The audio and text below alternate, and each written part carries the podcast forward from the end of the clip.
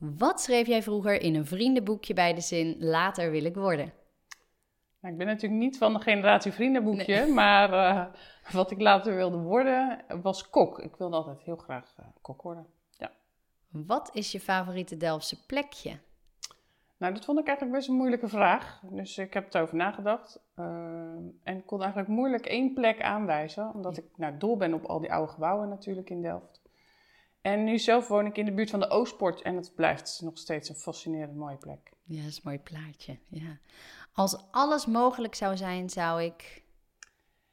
Zou ik zorgen dat corona voorbij was. Dat alle ondernemers in Delft uh, met name weer lekker uh, konden gaan ondernemen. Ja.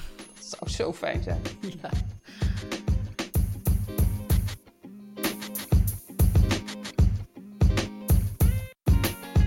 Welkom. Wat leuk dat je luistert naar deze podcast waarin ik je meeneem in het verhaal van een inspirerende Delftse ondernemer.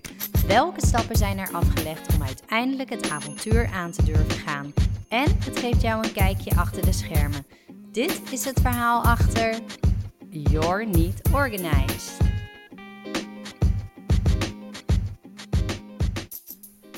Met een grote liefde voor gebouwen was het niet zo gek dat zij deze stap maakte. Ze gaf haar baan op om voor zichzelf te beginnen als facility manager. Hoe is het om als starter te beginnen tijdens corona en wat komt er allemaal bij kijken? Vandaag zit Margarethe Rijken bij mij aan de keukentafel om je er alles over te vertellen. Je luistert naar het verhaal achter You're Niet Organized.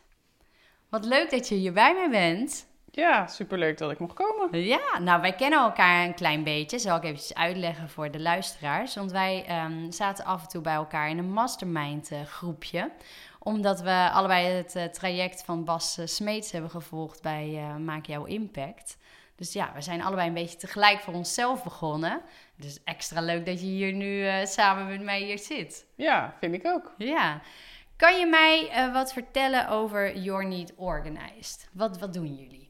Nou, Niet Organized is een jong bedrijf, zoals je al zegt. Uh, wij richten ons op top MKB-bedrijven met meer dan 50 medewerkers.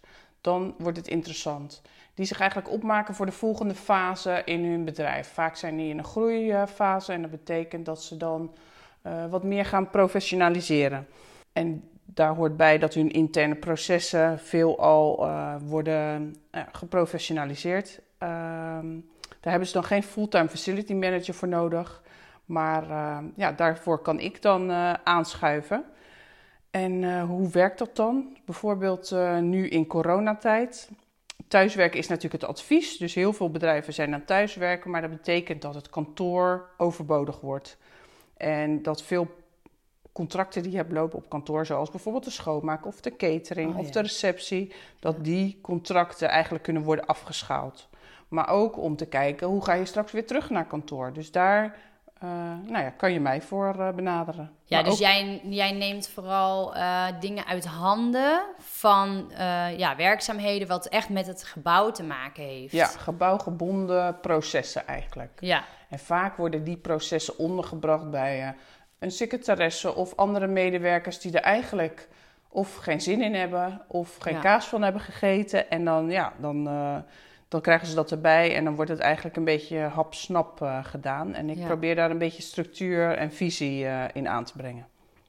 Leuk. En, en meer dan 50 man dus? Ja, dan is het... Kijk, dan hebben ze vaak een bedrijfspand gehuurd. Dan ja. hebben ze vaak uh, niet één koffiemachine, maar dan hebben ze daar wel over nagedacht dat het een koffieapparaat moet zijn. Of ja. ze hebben een schoonmaker die schoonmaakwerkzaamheden komt verrichten. En soms hebben ze dan ook al een receptie bijvoorbeeld uh, waar ze gebruik van maken. Ja. En beplanting en nou ja, noem het maar op, van toiletpapier tot uh, ja. het huren van het pand en alles wat ertussen zit. En je moet zit. aan veel dingen denken dan wel. Ja, ja. ja. als facility manager ben je een generalist, zeg maar. Ja. Dus werk, ja, weet je van alles een beetje. Maar net genoeg om wel de richting te kunnen geven voor een ondernemer. Ja, ja, wat, wat, wat leuk. Ik, uh, ja, ik, ik heb daar zelf nooit mee te maken gehad. Nee, snap ik. Nee, en wat, wat deed jij hiervoor? Hiervoor was ik uh, facility manager bij grote beursgenoteerde bedrijven. Onder andere bij DSM hier in Delft uh, ja. ben ik ooit begonnen. En bij de TU Delft heb ik ooit ook gewerkt als adviseur toen voor een adviesbureautje. Uh, deed ik schoonmaakcontroles bijvoorbeeld. En bij DSM in Delft was ik, uh, uh, zat ik in de facilitaire organisatie toen die grote melassenincident te was. Dat al die Oh. stroop over de locatie ging. Oh. Dus ik heb wel altijd in dat werkveld gezeten. Ja. Maar mijn laatste baan was in Schiedam bij een beursgenoteerd bedrijf. Daar heb ik 13 jaar als facility manager gewerkt voor Nederland, voor al die eh, panden daar. Wow. En eh, ja, die groeiden heel hard of die krompen dan weer. Dus daar moest je dan op opschalen of afschalen en vaak eh, diensten aanbesteden. Nieuw schoonmaakcontract, nieuw cateringcontract of een gebouw aanhuren. Dus dat heb ik eigenlijk altijd al gedaan. Dat vind ik ook super leuk, want het is heel dynamisch en veelzijdig. Ja. Maar ja, na 13 jaar eh, dacht ik, ik ga eens voor mezelf beginnen. Laat ik de Ik stap wagen. Ik ga, gewoon, ik ga het gewoon doen, want ik wilde het eigenlijk altijd al heel graag. Ja. Maar ja, wat is dan het juiste moment? Ja, wa- wat, wat, ja, er is nooit een juist moment waarschijnlijk. maar nee. Wat, wat is dan eh, datgene wat je tegenhield dan die jaren daarvoor? Nou ja, mijn kinderen waren natuurlijk wat, eh, die, zijn, die zijn inmiddels groot. Dus dat betekent dat die eh, ook min of meer zelf-supporting eh, worden. En eh, ja, dan kan je, je hebt eh, iets, het een en ander opgebouwd. Dus ik heb wat eh, spaargeld. Dus ik kon wel een risicootje nemen om een tijdje geen inkomsten te hebben bijvoorbeeld. Ja, ja. Dus dat gaf mij een stukje zekerheid. Anders had ik natuurlijk nooit mijn goed betaalde baan zomaar Nee. eh, aan de wil ge- gehangen. Nee, nee, nee. En toen jij dat, eh, dat traject eh, startte bij, bij Bas, had jij toen je baan al opgezegd? Of was je... Nee, toen nog niet. Maar toen had ik wel de intentie om mijn Mhm. baan op te zeggen. Ehm, ja, weet je, als je het super druk hebt. Ik had elk jaar was het drukker. En elk jaar had ik minder tijd voor mezelf. En alleen maar druk met nou ja, de, de waan van de dag. Ja, En op enig moment dacht ik, oké, als ik nu niet de stip op die horizon zet, dan krijg ik of een burn-out of... Ja. eh, dus ik heb toen eigenlijk min of meer besloten, oké, in 2019, dit wordt het jaar dat ik dat besluit gewoon ga nemen. En ehm, ik heb een pro- had een project afgerond in april en toen dacht ik, oké, ik ga... dit is, Dit is het moment. Als het nu niet is, dan al- want dan komt er weer wat nieuws Ja. en eh, ik ga gewoon nu voor mezelf kiezen. Ja, En eh, ja, toen ben ik eigenlijk volgens mij rond de zomer bij Bas eh, gestart. En heb ik eh, ja, na mijn zomervakantie wel een grote reis gemaakt. ja. De Trans-Siberië Express. Oh, in, eh, wat gaaf. ja, waar we ook echt moesten onthaasten. Ja, En toen dacht ik, oké, en, en daarna ga ik gewoon een baan opzeggen. En ik heb ze twee maanden de tijd gegeven om iemand te vinden. Was nog niet gelukt, maar ja, was voor mij een goede moment om af te ronden ja, en om op te starten. ja. Ja, want jij wist al wel echt wat je wilde gaan doen. Ja, Ik dus dat hoefde ik niet meer te Nee. onderzoeken. Nee. Nee, gaaf. Ja. Ja. Nou, als je dan 13 jaar ergens gewerkt hebt, hoe ehm, reageerde jouw omgeving? Want het is natuurlijk echt wel een stap om eh, een stap in het diepe, of een sprong in het diepe, om dan voor jezelf te gaan beginnen. Ja, nou uiteindelijk eh, zijn er altijd mensen die zeggen: "Oh, Wat doe je? Waarom je pensioen? En zou je dat nou wel doen? En, eh, maar ja, uiteindelijk ehm, heb ik gewoon ge- toch gedaan. Ja, Altijd goed om adviezen van eh, mensen te krijgen, die aan te horen en te kijken of- of je daar wat mee kunt. En dan uiteindelijk je eigen keuze eh, ja. want jij je had ook, besluit nemen. ja. Ja, had waarschijnlijk zelf ook echt wel over die dingen al nagedacht. ja, Ja, ja, zeker. Ja, maar het zijn ook vaak eh, eigen angsten die, eh, die ze dan eh, op jou projecteren, ook weer om jou te beschermen waarschijnlijk. ja. ja. En ik heb zelfs zoiets, ja, kijk, tuurlijk, er zal een dipje zijn, eh, maar weet je, geld is niet, eh, niet alles. Dus eh, iets minder kan ook wel. Ja, en jouw man had gewoon zoiets van, Gaan, doen. Ja, ja. Ja, dat is het belangrijkste. ja, Dat zeker. je daar samen wel uitkomt. hè. Ja, ja. En kan je dan nog herinneren dat je je eerste opdracht eh, binnenhaalde? ja, dat, Dat kan ik me heel goed herinneren, want het was ja, net voor corona Ja. eigenlijk. Ja, het, binnenhalen van... Dat is iets waar ik me een beetje misschien in heb vergist, of in ieder geval een beetje naïef in ben geweest. Je denkt, dat ga ik even doen en dat lukt natuurlijk allemaal. Ja. Ik wilde per se niet ZZP'en. Dat was ook denk ik een quote van Bas van ZZP'en. Dat is geen ondernemen. Dus dat wilde ik ook per se niet. Dus, Ja, omdat je dan niet genoeg vrijheid nog. nou, dan heb je een soort en- verkapt ondernemerschap. Ja. Of eh, een werkgeverschap eigenlijk. Dus dan heb je gewoon een dienstverband eigenlijk. Maar ja, dan met, eh, met een stukje flexibiliteit voor de opdrachtgever. Mhm. Dus het kostte, ik was uh, in oktober al bezig om die eerste klant uh, binnen te halen. En uiteindelijk is dat in maart gelukt.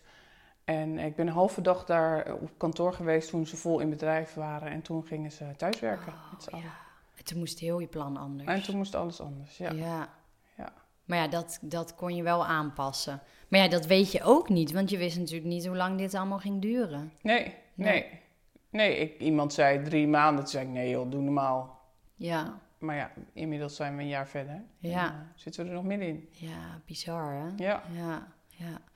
En wat zijn dan bijvoorbeeld dingen die je nu tijdens corona anders uh, aanbiedt voor een bedrijf of aan kan bieden? Nou ja, ik heb me gericht inderdaad op de op nou ja, wat er dan ontstaat hè, in een coronatijd. Dat betekent dat veel gebouwen zich moest, moesten gaan afschalen, ja. maar ook plannen moesten gaan maken voor de toekomst. Uh, als facility manager uh, werk je vaak nauw samen ook met HR. Ja. En dat thuiswerken, dat, nou ja, dat werd bij veel bedrijven wel gedaan, maar was niet formeel vaak geregeld. Het was een soort van, nou, je mag een dag in de week thuiswerken of een halve dag. En wat je nu ziet is dat daar een verandering in gaat plaatsvinden. Dat er toch een een officiële manier van werken wordt. Een soort van hybride ja. uh, werkvorm. Dus ik heb samen met, een HR, met de HR-organisatie hebben we een enquêtes uitgezet binnen de medewerkersgroep. Van joh, wat willen jullie nou eigenlijk? Hoe zien jullie de toekomst? En toch Ja. een beetje perspectief bieden. En kijken hoe je dan kan inspelen op eh, ja, de nieuwe situatie, het nieuwe nu. Ja, want dat thuiswerken, dat blijft er misschien wel voor een deel in sommige bedrijven in zitten. Nou ja, het heeft natuurlijk ook uh, voordelen. Ja. En veel bedrijven hebben duurzaamheids, uh, uh, ja, duurzaamheidsvisies. En in die hoedanigheid past het natuurlijk prima als je medewerkers minder naar kantoor laat komen. Ja. Ja. Dan kan dat heel goed aansluiten. Dus een van de uitkomsten uit die enquête was ook: men wil wel graag naar kantoor komen, maar dan moet het wel zin hebben en toegevoegde waarde Ja. leveren. En dat, uh, ja, daar, dat biedt ook weer nieuwe kansen. Dus ja, als ondernemer moet je denk ik heel erg uh, flexibel zijn, wendbaar. Ja. En uh, je dan toch weer aanpassen aan de situatie die dan ontstaat. Ja. En dat maakt ondernemerschap wel superleuk natuurlijk. Ja, ja, ja. Maar ja, want wat, wat, waar merk jij nu de verschillen in met uh, ja, dat je facility manager was bij bijvoorbeeld grote bedrijven of uh, bij DSM? Of... Ja, nou ja, eigenlijk dat je natuurlijk, uh, je kan je eigen tijd indelen. Mm. Je kan je eigen strategie bepalen. En kijken, nou ja, wat wil ik precies? Waar wil ik me op gaan focussen? En wat wil ik bereiken? Dus ja, het geeft toch een stukje vrijheid. En die vrijheid ja. vind ik wel echt super, uh, ja, super leuk. Ja. En eens een keer een podcast afspreken of zo. Ja, dat soort dingen. Ja, leuk hè? Leuk. Ja. Ja, ja, dat vind ik ook het leukst hoor. Dat je eigenlijk gewoon ja, een idee hebt en je kan, daar, je kan het uit gaan proberen. Ja. Dat, ja. Zie jij nu nog, uh, je, je, je, vertelde net dat je vroeger kok wilde worden. Zie jij daar ergens een gelijkenis in? Nou, het, het kok uh, zijn is natuurlijk super leuk. Uh, ik heb ook een jaartje kokschool gedaan uiteindelijk. Maar toen kwam ik erachter dat een kok vaak werkt wanneer anderen vrij zijn. Toen dacht ik, ja, dat is misschien niet heel praktisch. Um, nou ja, dat hele de dynamiek van, van koken en de passie, die is daar nog steeds. Want ik vind het leuk om dat soort programma's te kijken. Als uh, nou ja, Sergio Herman, die op reis is, uh, bijvoorbeeld. Ja. Um, en ik vind reizen zelf heel interessant. En het reizen wordt pas leuk als er lekker gegeten kan worden natuurlijk. Dus, eens, eens. Ja, ja, dus... Oh ja, dat doen wij ook. Als we ergens op vakantie gaan, is het altijd... Oké, okay, waar gaan we lunchen? Ja. waar gaan we eten? Ja. Daar bestaat onze vakantiebuik uit. Ja, nou ja, ik vind dat een heel belangrijk onderdeel. Dus, ja. En, en uh, een kok, die heeft natuurlijk vaak met uh, stressmomenten te maken. Moet er goed zaken voorbereiden. Mise en place, zij doen dingen voorbereiden. Dan hebben ze een piekmoment. Ja. En vervolgens uh, nou ja, hebben ze tevreden klanten. En eigenlijk werkt dat wel een beetje hetzelfde. Ja. Ja. Bij mij ook. Kijk, uh, een project uh, werkt pas goed als je hem goed voorbereidt. En, nou ja, en een van mijn, ja, een van mijn verkoop... nou, mijn, mijn, mijn producten eigenlijk, is ook verhuisprojecten. En een verhuisproject mm. wordt vaak even tussendoor gedaan of uh, wordt bij iemand neergelegd, joh, ga jij dat maar regelen. Ja. Maar dat blijkt toch eigenlijk uh, stiekem wel een heel, ja, dat, dat is vaak toch heel stressvol. Ja. Omdat er bepaalde besluiten genomen moeten worden. Ja. Het is ook een ideaal moment om je, nou ja, je processen tegen het licht eh, te houden.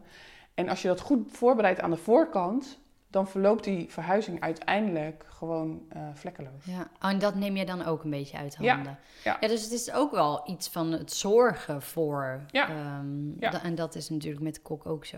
Zorgen voor Ja, mensen, zorgen. Blije, ja, blije mensen maken. maken. Ja. Ja, ja. ja. En hoe kan een dag bij jou eruit zien? Nou, dat hangt natuurlijk Heel af. Ja, dat hangt ervan af wat, eh, wat eh, de opdracht is. Ja. Ehm, voor de facility manager als een service ehm, ga ik vaak naar locatie toe. Ehm, bijvoorbeeld een halve dag. Zeker nu in coronatijd. Vaak zijn er toch wat mensen nog die op het kantoor passen. Dus die, die wil ik altijd een hart onder de riem steken door eh, mijn neus daar wekelijks even te laten zien. Ja. Dus daar ga ik dan even langs, praat ik bij en loop een rondje door het gebouw om te kijken of alles eh, netjes en goed geregeld is. En vervolgens eh, handel ik alle e-mails af die eh, nou, betrekking hebben op die klant. Dat doe ik eh, niet alleen op de dag dat ze mij geboekt hebben, maar dat doe ik natuurlijk de hele, de hele week. eh, verder hou ik een oogje in het zeil van, joh, zijn er nog dingen die eh, aandacht nodig hebben? Dan laat Ja. ik dat niet bij die ene dag per week. Nee. En mocht het een project zijn, ja, dan Ja. heb je vaak een voorbereidende fase. Ehm, ik ga nu een aanbesteding doen, bijvoorbeeld voor een klant. Dus dat betekent dat ik een aanbestedingsdocument moet maken. Ehm, ik heb daarvoor een visiedocument met die klant opgesteld om te kijken van, joh, wat, wat willen jullie nou precies? Hè? Zitten we allemaal op dezelfde lijn? Om eh, te voorkomen dat de ene eh, ja, een, ehm, een ander verwachtingspatroon Ja. heeft dan dat eh, ik zou hebben. Dus het is goed om even af te stemmen wat, nou ja, wat verwachten ze nou precies? Waar willen ze naartoe? Dus bijvoorbeeld voor een, eh, een pand wat een, ehm, een single-tenant gebouw is geweest, waar één huurder in heeft gezeten, dat moet transformeren met hun receptie naar een multi-tenant gebouw. Dat betekent dat ze nu gebruik maken van allerlei tools van de hoofdhuurder. Ja. Dat willen ze niet meer. Ze willen een eigen onafhankelijke receptie zijn.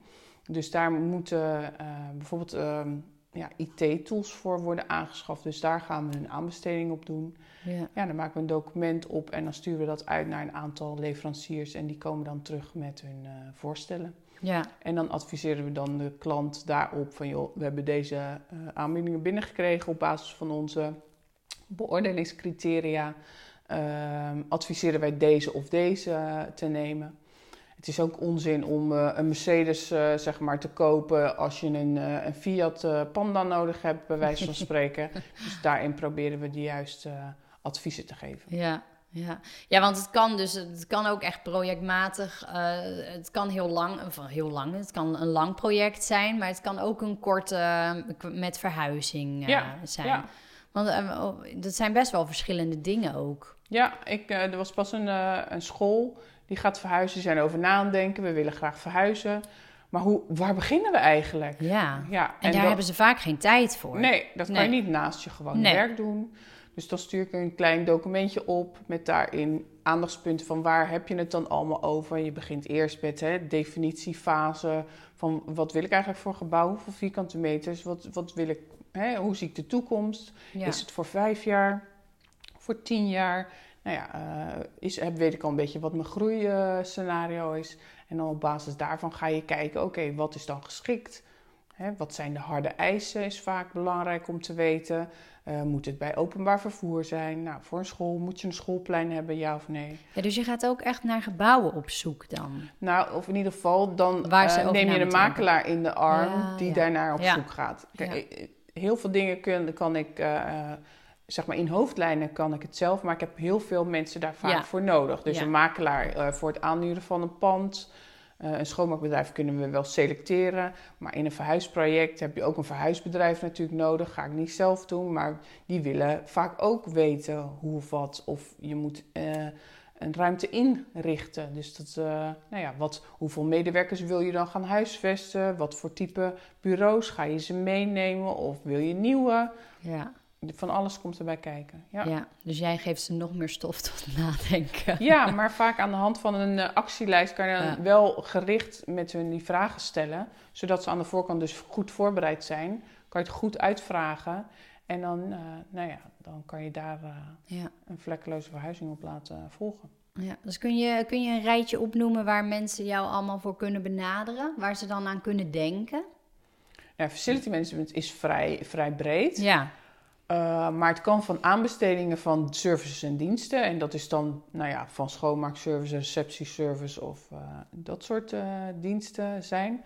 Maar het kan ook zijn, wat we vaak doen bij facility manager als een service, is eerst kijken wat is er nu? ja, Welke, welke contracten heb je lopen en waar zien we eventueel efficiëntievoordelen? Dus waar kan je dingen combineren, waar kan je voordeel uit behalen? Dus daar is... Uh, ja, dat proberen we te structureren en dat is ook aan te vragen. Dan die scan kunnen we gewoon doen en dan komen Ja. we met een plan van joh, we zouden het zo en zo voor je aan kunnen pakken. En een dag in de week of een dag per maand eh, facility manager zou dan Ja. voldoende zijn. dus dat is echt op maat Ja. bedacht. Ja, een maatwerkpakket krijg je dan. Ja. Of inderdaad eh, een projectverhuizing. Dat je zegt van nou, eh, we willen verhuizen van A naar B. En ja, je moet ook nog een pand achterlaten bijvoorbeeld. En dat, vaak weten ze niet wat er in een huurovereenkomst bijvoorbeeld staat. Mag je de tapijt laten liggen wel of niet? Je moet eh, vaak de wanden Ja. weer weghalen. Maar dat is helemaal afhankelijk van eh, wat je hebt afgesproken in, het, eh, in de huurovereenkomst. hey, en waar komt dan die liefde van jou van gebouwen, voor gebouwen vandaan? Want het kan echt gaan over monumentale panden, maar ook moderne gebouwen. Ja, nou, facility management is natuurlijk alles in en om een gebouw. Mhm. Ehm, en ja, ik woon zelf in een oud TU Delft eh, gebouw. Ehm, we hebben heel veel gereisd en daarin kwamen ook, ja, eh, was ik ook gefascineerd door New York met hun hypermoderne gebouwen, maar nou ja, ook eh, de historie van eh, gebouwen in, in Rome of nou ja, Valencia heeft van die prachtige hypermoderne gebouwen. Dus ja, ik Ja. ik vind echt gebouwen, ja, die vertellen een verhaal. En Ja. er zit een visie achter waarom hè, een gebouw werkt zoals die werkt. ja, Dus ja, ik vind dat super interessant. ja, ja. En dat neem je ook, ook mee weer in je werk. Ja, en het hoeft een. Kijk, ik, het is niet zo dat ik alleen maar voor mooie gebouwen wil werken. Nee, nee, nee, nee, nee. Maar het is, ja, ik vind het gebouw op zich moet wel functioneel zijn. Ik Ja, had natuurlijk ook architect kunnen worden, ben ik niet geworden. Maar eh, ja, ik vind, het, ik vind het, ja, de sfeer die een gebouw uitstraalt en de dynamiek die in een gebouw ja. eh, heerst, vind ik echt interessant. Wat zijn jouw favoriete gebouwen in de wereld? Heb je dat? Dat je denkt... Ja, die Guggenheim-gebouwen zijn natuurlijk altijd eh, prachtig. Ja, De Rem Koolhaas eh, ontwerpen zijn mooi, maar ook het, eh, nou ja, bijvoorbeeld het station van Delft is natuurlijk ook een prachtig gebouw. Ik woon zelf naast CPZ, is ook het oude Techniekmuseum, is ook een prachtig gebouw. Dus ja, Ja. van modern tot, eh, tot eh, ja, wat eh, historische gebouwen, ja, ik vind ze allemaal prachtig. Ja, ja.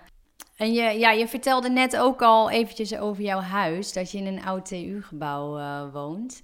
Eh, ik ben daar geweest, dat is echt eh, super tof. Hoe kwam je daarbij terecht? Dat je... Ja, wij waren eigenlijk al een tijdje op zoek naar een geschikte, schi- geschikte woning. We wilden graag in het centrum van Delft wonen, nou, net als vele mensen natuurlijk. Dus we hadden heel veel huizen bekeken. En bij toeval, eigenlijk het einde van, vorige, van de vorige crisis, stuiten we op een eh, kantoorpand wat leeg stond. En dat werd aangeboden als kantoor en als woonhuis. Ja, en toen, ja, het was een soort van lucky shot toch. Eh, toen hebben we het ehm, bezichtigd en toen ja, zagen we daar toch wel direct potentie eh, in.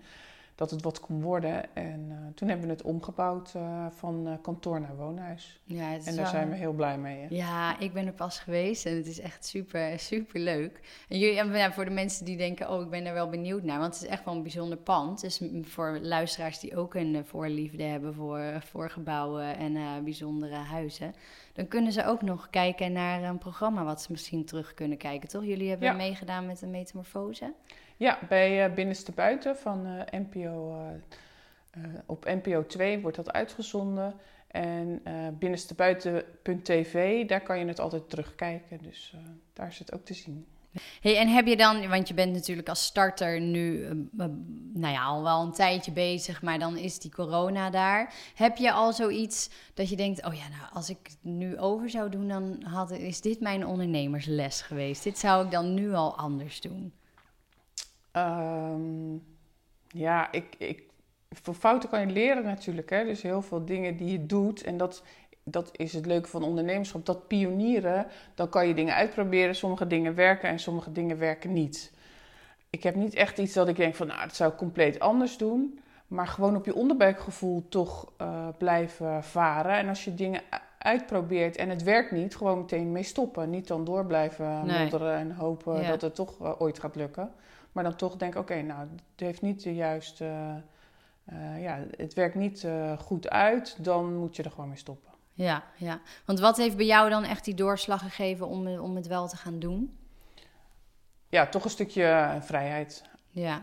Ja waar je naar verlangde. Ja, en, uh, ja. ja. Gewoon je eigen, eigen koers te kunnen varen. En uiteindelijk kan dat vaak als facility manager binnen een bedrijf, kan dat ook wel. Kan je best wel aantal strategieën uitzetten. Maar soms word je toch belemmerd door allerlei ja, procedures of uh, nou ja, uh, zaken waar je aan moet voldoen waarvan je soms denkt, ja, waarvoor moet ik dit eigenlijk doen? Het belandt wellicht toch in een, uh, in een la of zo. Maar is dan, vaak moet je dingen doen om te doen, ja. zonder dat het echt toegevoegde waarde heeft. En dat vind ik een beetje zonde van mijn tijd. Ja, ja, ja.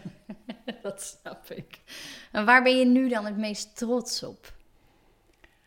Nou ja, het eerste jaar is echt een jaar waarin je heel erg moet bouwen aan een netwerk, vind ik. Ja. Ehm, en uh, ja, toch continu moet focussen op waar, oké, wat ging ik ook weer doen, waar uh, uh, richt ik mij op? En als je alles achter elkaar zet, soms denk je dat je niet vooruit komt, maar als je dan al die stapjes eens achter elkaar zet, dan blijkt toch wel dat je enorme voortgang maakt.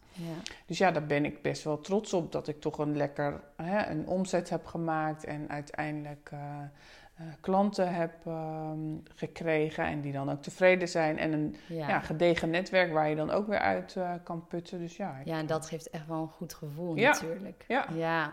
Ja. Ja. want wat komt er allemaal bij kijken? Als je, wat, wat kwam er allemaal op jou af waar je mee bezig bent als je dan voor jezelf begint? Ik, ik vond dat best wel veel. Waar je, je, je kan je helemaal verliezen in wat je allemaal zou kunnen gaan doen. Of denkt te moeten gaan doen. Ja.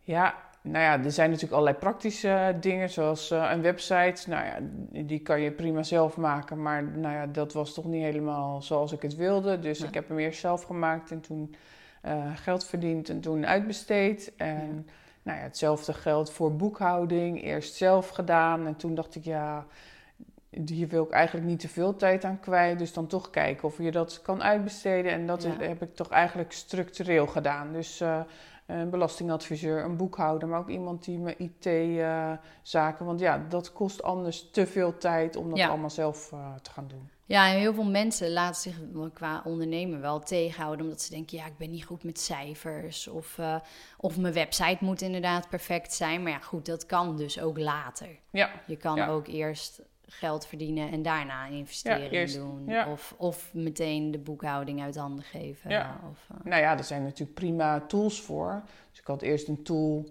die werkte gewoon prima. Maar ja, dan denk je, ja, maar dan moet je weer een jaar afsluiting. Nou ja, misschien is het toch handig als iemand dat voor mij doet. En als je daar dan een abonnementje kan nemen, nou, ook prima. Ja. Uh, dan scheelt dat jou weer uh, tijd. Ja, ja. Maar leuk om mee bezig te zijn met al die dingen, ja, toch? Zeker. Ja, ja. En um, heb jij nog een doel waarvan je denkt van dat wil ik echt nog, dat zou ik echt wel willen gaan bereiken? Ja, ik heb nog uh, vorig jaar nog een keer een marketingtraining gedaan. En toen ja, moet je groot denken en dan moet je dan visualiseren. En ik, nou, ik, het zou leuk zijn als je gewoon met een, een leuk team mensen um, als facility managers een serieus bedrijf uh, kunt hebben waar je met elkaar tevreden klanten uh, maakt. En ja, dat is wel mijn, mijn perspectief om het, uh, nou ja, om het een beetje uit te bouwen. En te kijken of je ja, een, een, groter bedrijf kan maken als slechts alleen in je eentje. Mooi. Waar uh, kunnen, uh, kunnen we meer over jou vinden en over wat je doet? Als er nu bijvoorbeeld bedrijven zijn die, hey, ik vind dit wel interessant. Ik kan ook wel een facility manager gebruiken. Waar kunnen ze jou vinden? Nou, ik heb een website uh, natuurlijk, dus www.yourneedorganized.com. Daar kunnen ze mij vinden. Op Instagram ben ik te vinden en ook op eh, LinkedIn uiteraard. En waar komt de naam Your Need Organized vandaan? Nou, omdat facility manager eigenlijk heel veel dingen omvat, dacht ik, Ja. nou ja, alles wat je nodig hebt, eh, kan ik voor je regelen. Ja. Mooi, kort. Ja. ja. ja. Nou, ik zeg ga allemaal eventjes kijken op eh, haar mooie site. En ik wil je bedanken voor dit gesprek en heel veel succes wensen. Dankjewel. Jij ook. Gedaan. Bedankt voor het luisteren. En vond je dit nou een leuke aflevering? Wees dan zo lief om te liken, te delen, een hartje te geven of te abonneren. Daar help je mij en de ondernemers mee. En wil je meer informatie over mij? Kijk dan op www.tamaravreugdeneel.nl. Tot de volgende!